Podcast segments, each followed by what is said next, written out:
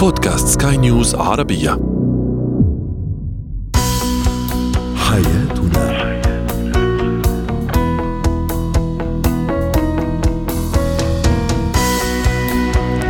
مستمعينا الكرام أهلا بكم. معنا إلى حياتنا فضاؤكم اليومية. الذي يعنى بشؤون الأسرة وباقي الشؤون الحياتية الأخرى والذي يمكنكم الاستماع إليه عبر منصة سكاي نيوز عربية dot com slash podcast وباقي منصات سكاي نيوز العربية الأخرى. شاركونا عبر رقم الواتساب 00971 معي أنا أمال شاب. اليوم نتحدث عن الزوج ضعيف الشخصية أمام زوجته كيف نتعامل مع هذا الأنماط؟ من الشخصيات ومن الأزواج أيضا. في زينة الحياة سنتساءل عن التعامل مع استقلالية الطفل في عامه الثاني تحديدا حيث تبدأ الاستقلالية فعلا في ظهور استقلالية الطفل. وأخيرا كيف نعبر للآخر عن تقديرنا له؟ هو وهي.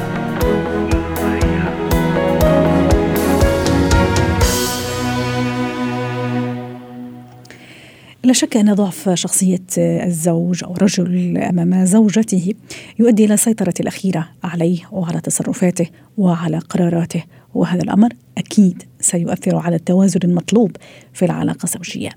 أكثر من هذا أيضا المرأة أو الزوجة بشكل عام والطبيعي والطبيعة تقول أنها تحب الرجل ذات أو ذو الشخصية القوية وعندما ترى أن زوجها يضعف أمامها تبدأ المشاعر في التبدل في بعض الأحيان وتتغير الموازين. إذا كيف نتعامل مع الزوج ضعيف الشخصية أمام الزوجة؟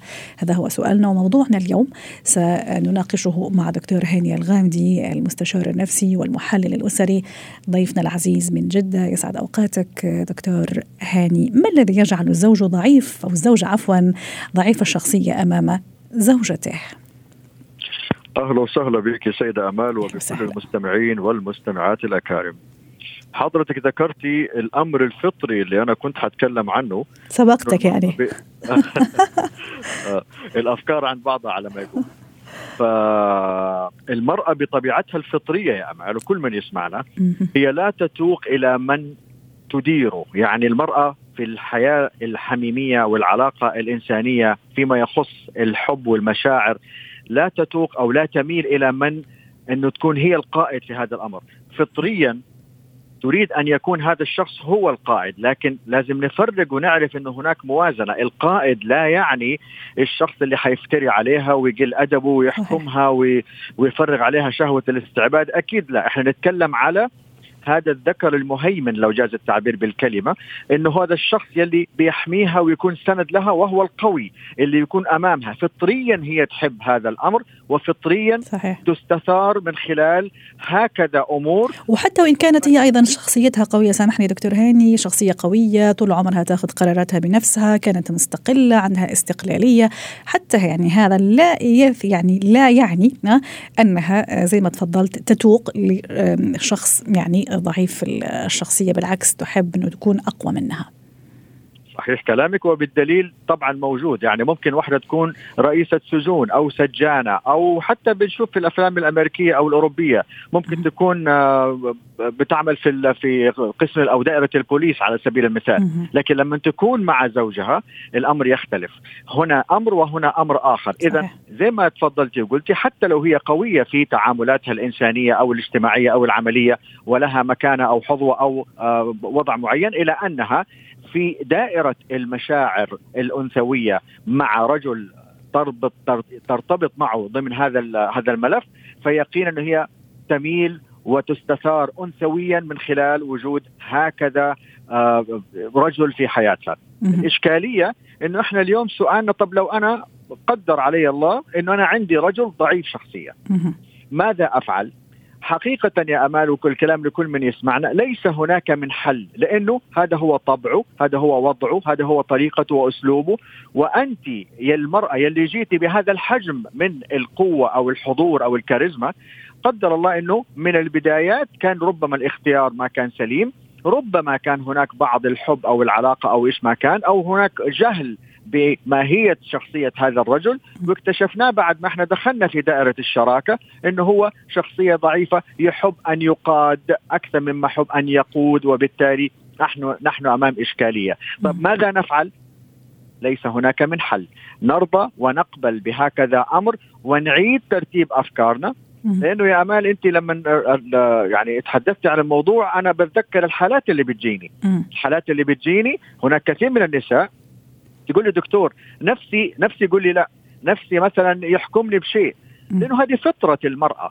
مثل ما العكس تماما إنه الرجل ما يحب إنه المرأة هي اللي تقوده. إنه لا تخرج لا تروح لا تنام لا تصحى لا تاكل لا تعمل. مستحيل إنه رجل يقبل هكذا أمر. وأيضا العكس صحيح. لا أكيد إنه لا تقبل امرأة بانه رجل يقول لها لا تروحي ولا تيجي ولا تاكلي ولا تنامي. ولكن أنا أتحدث كمثال عن موضوع القيادة في استصدار الأوامر. هذه إشكالية يا أمال. ويجب إنه أنا أت... يعني أرجو إنه يتحمل سقف برنامجك الكلمتين اللي حقولها. إنه في الآخر هذا الأمر يؤثر بشكل مباشر على نعم. العملية الحميمية والعملية الخاصة في العلاقة الخاصة ما بين الرجل والمرأة، هذا أمر يعاني من كثير من النساء. إنه الرجل لما ما يكون نعم. صاحب القيادة تتأثر هذه العملية بشكل مباشر طيب. لأنها لا تستشعر بأنها تحت كنف أو تحت سقف رجل مهيمن يقود هذه المسيرة بطبيعته وفطرته وأيضا هي فقدت الجزئية الخاصة بفطرتها وطبيعتها. طب دكتور هاني أيضا بالعودة ممكن للأسباب، يعني دائما إحنا نقول يعني في علم النفس يعني إذا تبغى الحل روح لسبب المشكلة أو لجذور المشكلة، قد يكون أيضا هذا الشخص ضعيف الشخصيه ممكن من تربيته، من أهله، من بيئته الأولى. أنا ما في من خلال يعني معرفتي للسبب إذا وضعت يعني إيدي على السبب ممكن قد يكون الحل أو أحد الحلول أو بداية الحل.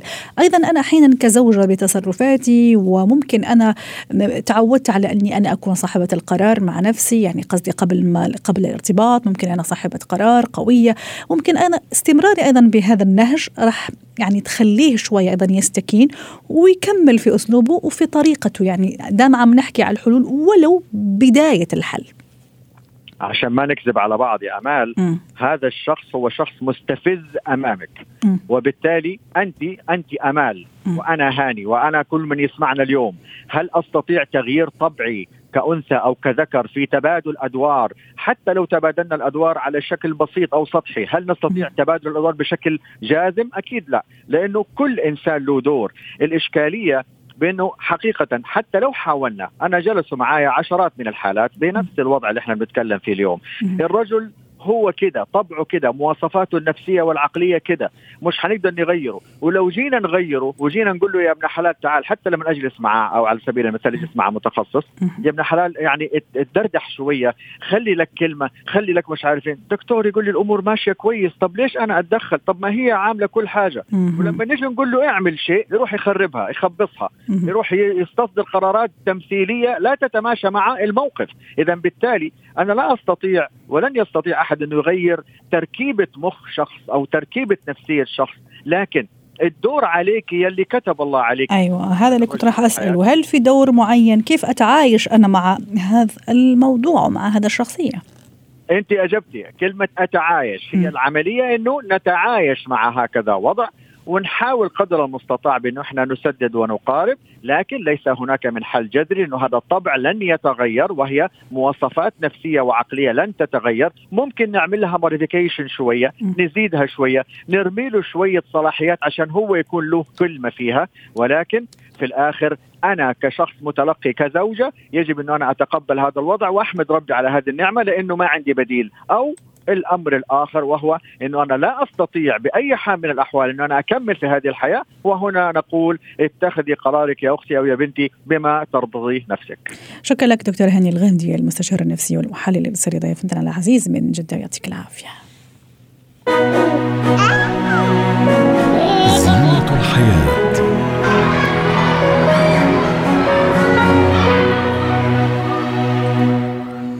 اليوم في زينة الحياة نتحدث عن استقلالية الطفل في عامه الثاني. كيف أتعامل مع الاستقلالية؟ كيف أواجه هذه الاستقلالية؟ رحبوا معي بدكتورة هبة شركس الخبيرة التربوية ضيفتنا العزيزة من أبو ظبي. يسعد أوقاتك دكتورة هبة. عادة هذه العبارة تتكرر على لسان الأطفال آه، منذ اللحظة الأولى اللي يتجاوزوا فيها عمر السنتين اللي هو لا أنا راح أعمل هالشيء بمفردي. ممكن يحب يأكل لوحده ممكن يحمل شيء لوحده. هي ممكن الأشياء خطيرة شوي تشكل عليه خطورة على صحته على سلامته.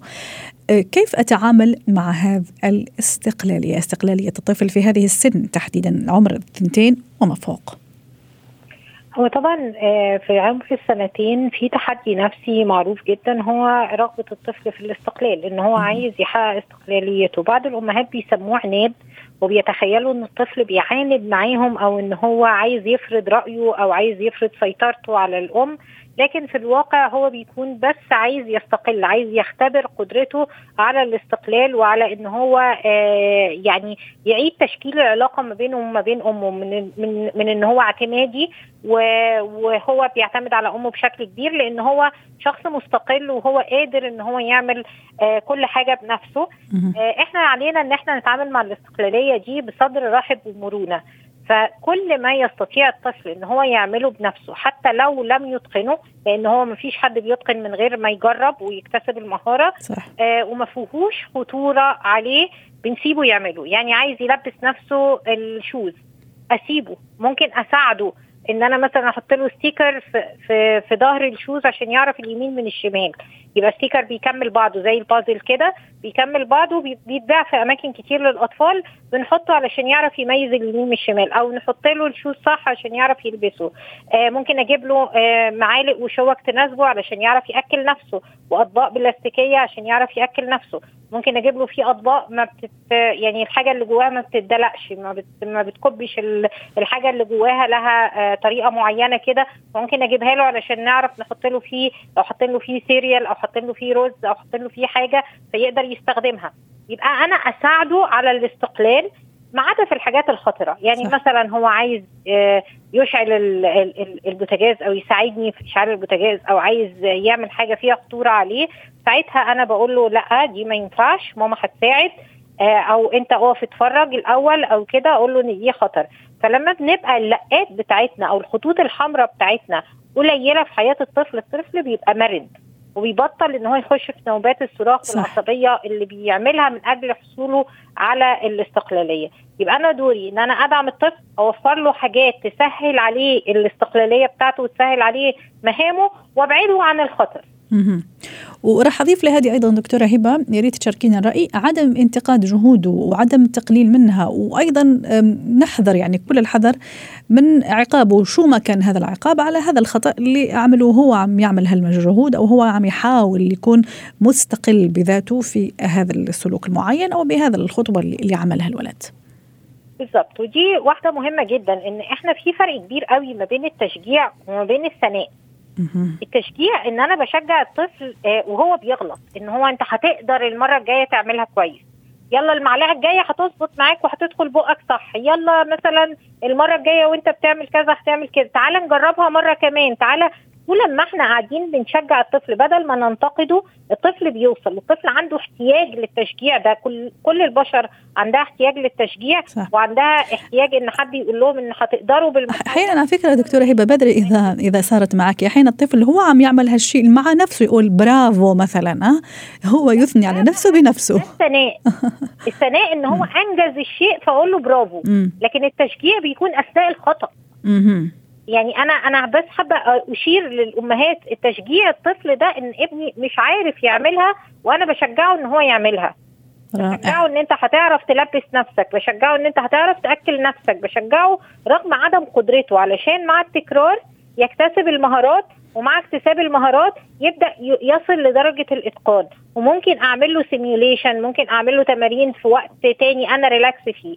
هو اللي بيخلينا ما نشجعش ولادنا أو بيخلينا يعني نحارب استقلاليتهم ونبقى عايزين إحنا اللي نعمل الحاجات عنهم آه دي الوقت. صح. إن الأم تبقى عايزة تخلص اللي هو عايز ياكل هو هيقعد ياكل في نص ساعة ومش هيصل لمعدته إلا ربع الأكل اللي محطوط وأنا مش هبقى ساتسفايد كأم أو مش راضية كأم عن كمية الأكل اللي هو أخده و... وكمية الوقت اللي ضاع وكمية التنظيف المطلوبه مني بعد ما يخلص هو. لكن هو الطفل من حقه إن هو ياخد وقته في التمرين آه وإحنا لازم ما نستعجلش الطفل. ففكرة إن الوقت ضيق وإن إحنا طول الوقت بنجري دي فكرة الأمهات محتاجين يغيروها شوية. لأن أنا لو تعبت شوية مع ابني عشان يحقق استقلالية عند سن سنتين عند سن أربع وخمس وست سنوات لما يكون هو راح الحضانة وراح ال KG وراح المدرسة م. هيبدأ الطفل يبقى هو فعلا بتعتمد عليه وبيروح المدرسة بيرجع وهو واكل أكله أيوة. مشكله بيعرف يحلها بيعرف يحل واجباته فهو إحنا محتاجينهم يستقل بس إحنا أحيانا بنعطل هذا الاستقلال علشان إحنا مستعجلين النهارده لكن صحيح. باصين لبكرة. على ذكر الأكل دكتورة هبة أحيانا تشوفي بعض الأطفال مثلا في عمر السنتين حتى وهو صغير يعني تتفاجئين إنه ما مش حاب ياكل هالأكل بده ياكل هالطبق مثلا هالصنف. مش حاب يلبس هالتيشيرت على قولتك حابة تلبس هالفستان مثلا. هل هذا أيضا يندرج ضمن الاستقلالية؟ خلاص هي صار عندها رأي ولا هو صار عنده رأي؟ ولازم انصاع لهذا الرأي وأطيع هذا الرأي بين قوسين. آه، هو طبعا ده له سبب يعني واحد عدة أسباب بس خلينا نناقش سببين. في. جزء منه استقلالية إن أنا من حقي إن أنا آخد قراراتي بنفسي وبصراحة هو من حقه. طالما أنا ب يعني آه، وزن الليمت أو جوه الحدود اللي أنا حطاها. وجميل إن أنا بدل ما أخليه يقول لي لأ جميل إن أنا أخيره بخيارات محددة. يعني مثلا تحب تلبس التيشيرت ده ولا تلبس ده؟ تحب تروح المكان ده ولا ده؟ مثلا إحنا طالعين على السيارة وخلص وقت اللعب فبقول له ها تحب تروح على السيارة وأنت بتتنطط زي الأرنب ولا أنت بتمشي عامل نفسك تقيل زي الفيل؟ وممكن أمثل بجسمي الحركة أو بإيدي الحركة فأنا اديته خيارين مش من ضمنهم إن إحنا لسه قاعدين في الحديقة مثلا. لا نعم. خلاص هو وقت اللعبة خلص وإحنا رايحين. أو تحب تروح السرير وأنا شايلاك ولا تحب نعمل سبق ونجري ورا بعض؟ فدايما نخير الأطفال علشان نديلهم مساحة من الاستقلالية والقدرة على إن هو ياخد قرارات يتعلم إن هو ياخد قرارات. وبدل ما يقول لي لأ يعني بدل ما أقول له بصيغة الأمر فأتوقع إن هو ممكن يقول لي آه أو لأ فأنا بقول له بصيغة الخيارات المحددة علشان أضمن إن أنا حققت له الاستقلالية وحرية ال- الرأي وحرية التعبير بس في نفس الوقت جوه حدود آمنة. جوه خيارات مناسبة لل... للوقت ده يعني واضح. مش من ضمن الخيارات إن إحنا نفضل نتفرج على التلفزيون لا إحنا دلوقتي وقت النوم فيلا بينا تحب أقرأ لك القصتين النهارده ولا آه، قصيرين ولا قصة واحدة طويلة مهم. أنا كده خلاص آه، إحنا إحنا كده كده رايحين ننام يعني. فالطرق الذكية والحيل البسيطة دي ممكن تحقق استقلالية الطفل وتخليه آه نخرج من العناد والنوبات الغضب الكبيرة اللي الطفل بي بيستخدمها علشان يقول يا جماعة أنا من حقي اختار ومن حقي أستقل. شكرا لك دكتورة هبة شركس الخبيرة التربوية ضيفتنا العزيزة من أبو ظبي. مهارات حياه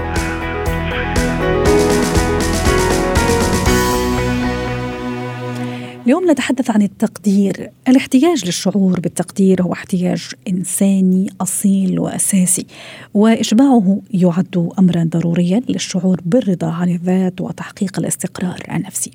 كان هذا سؤالنا التفاعلي كيف تعبر عن الآخر أو للآخر بتقديرك له؟ وهل يكون بشكل مباشر أو بشكل غير مباشر؟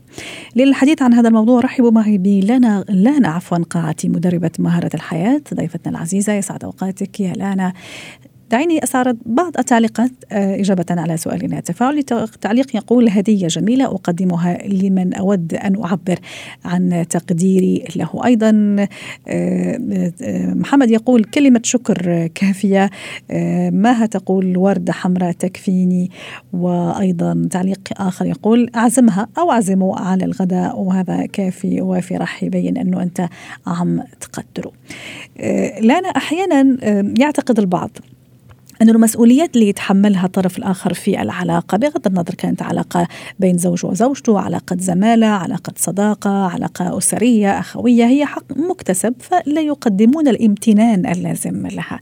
لكن أتصور أنه هذا غير مفيد ومش لطيف يعني لأنه راح يؤذي العلاقة على مدى الطويل. كيف أعبر آه، عن امتناني وتقديري لشخص ما؟ مرحبا عزيزتي وتحية طيبة لكل المستمعين اليوم وشكرا كثير لكم كلكم لأنكم عم تسمعونا اليوم على سكاي نيوز عربية. طبعا هالموضوع من أكثر المواضيع يلي الكل بيفكر فيها على مستويات العلاقات المختلفة. صح. يعني علاقتنا مع أزواجنا مع أحبائنا مع أصحابنا بالعمل مع أطفالنا. الشكر والامتنان. مثل ما حكيتي كتير حاجة مهمة ومن العلاقات أو فينا نقول يمكن المهارات اللي لازم نفكر كيف نمارسها ونتقنها. آه، إذا بدي أرجع لبعض آه، تعليقات المشاركين. في حدا قال كلمة شكرا تكفي. بس يا ترى هل فعلا هالكلمة بتكفي؟ يمكن أنا إلي تكفيني يمكن بتكفيكي. بس يمكن في شخص ثاني الكلمة هي ما بتعني له. بيحب يشوف الشكر والامتنان بشكل ثاني بيكون متوقع من الآخر لنفترض أنه يقدم له هدية أو يرد له إياها بشكل خدمة أو بمقابل آخر. فنحن لما نجي نفكر بالشكر والتقدير بدنا نفكر بلغات الحب الخمسه يا ترى بتعرفي عنهم شيء؟ لا تفضلي نسمعك. طيب.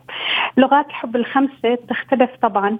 بس هي بتبدأ آه، بأكثر لغة مؤثرة فعلا هي الكلمة الطيبة، دائما بنقول الكلمة الطيبة صدقة. صحيح. إنه وعندها سحرها وقوتها. عند طبعا عندها قوة كثيره رغم بساطتها هي فعلا ممكن تكون كلمة وأثرها بيضل بالنفس ولمدى طويل وبعيد. بس بعد الكلمة في عنا ناس بتحب اللمس. يعني آه ممكن شخص حتى لو هو مو شخص جدا مقرب لما بتقولي له شكرا بتمسكي إيده بتصافحي بتشدي عليها بتحطي على كتفه ممكن طفلك بتعانقيه العلاقة ما بين الأزواج. يعني مو بس بدنا نعتمد على الكلمة أو أنا بحبك أو أنا بقدر وجودك بحياتي بدها تتعدى لتوصل لمرحلة أكثر اللي هي مثلا اللمس. في عنا اللغة الثالثة اللي هي مثل ما البعض ذكرها هدية أو وردة. بس هون بدي أوقف عند هاي النقطة إنه نحن بدنا نفكر شوي أكثر، أنا لما بدي أجيب هدية لحدا ما بدي بس أجيب على الشيء اللي بيناسب مزاجي. صح. بدي أحط حالي مطرح هذا الشخص بدي أفكر هو يا ترى شو بيحب. أنا بدي أحسس الشخص بالامتنان وبدي أحسسه بقيمة الشيء اللي قدم لي ممكن مثلا جارتي آه، بتحب نوع من الحلويات. في فرق إنه أنا أروح أشتري جاهز وفرق إنه أنا أقعد وأعمل لها وأقدم لها الطبق من شغل إيدي وتحس إنه هي آه، شغلة وعملها معي مقدر كثير أنا بالمقابل كمان حطيت فكر وحطيت جهد وحطيت وقت وقدمت لها الشيء اللي هي بتحبه. رائع. فهي آه، إذا بدنا ننتقل على الدرجة الثالثة. ومثل ما خبرتك في الخدمات الدرجة الرابعة. هي عادة بتكون أكثر يمكن بالمجال العملي أو بالمجال التقني. إنه واحد مقابل خدمة ما بده بس كلمة شكرا حابب تقدم له خدمة ثانية. بالمجال الوظيفي عامة آه، خاصة اللي بيكونوا بدرجة المدراء بدهم دائما يفكروا ويكونوا كثير كرياتيف كيف بدهم يحمسوا ويحفزوا الموظفين وما يعتمدوا بس على كلمة شكرا. يعني الموظف الناجح لما عمل آه لنفترض حقق مبيعات آه بمبلغ معين وجاب مدخول كبير للشركة مجرد أنك تقابله أنت كمدير وتقول له شكرا بينك وبينه وبين أربع حيطان لا تكفي. بيحب حتى يحس بالامتنان الصادق والفعلي.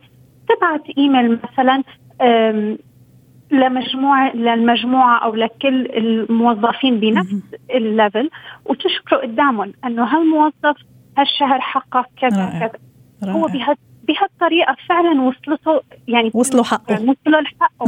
إنه أنت مو بس بين أربع حيطان عم عم بتشكره.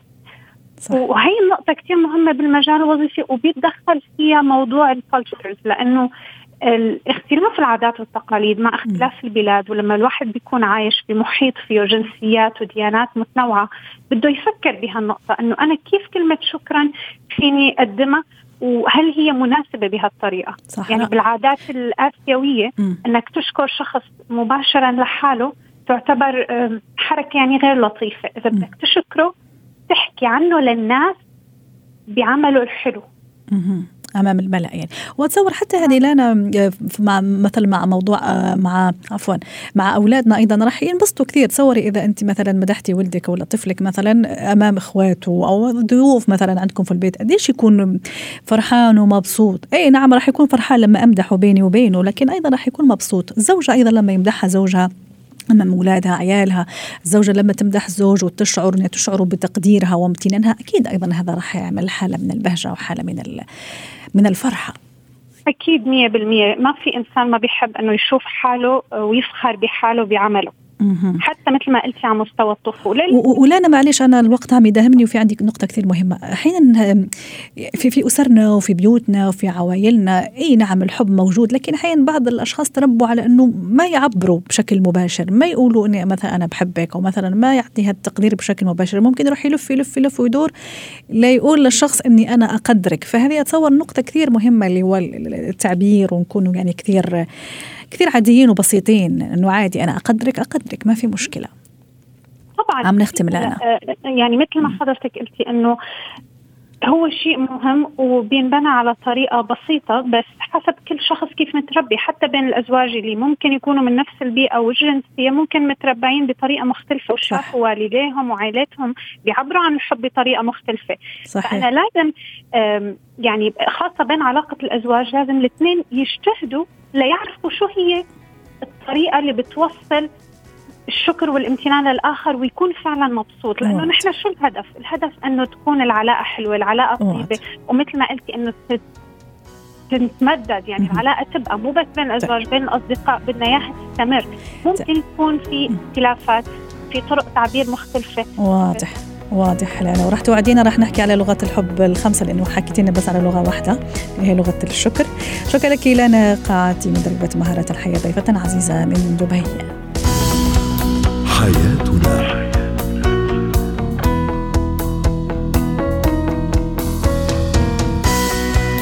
ختام حلقة اليوم من حياتنا. شكرا لكم. على اللقاء. حياتنا.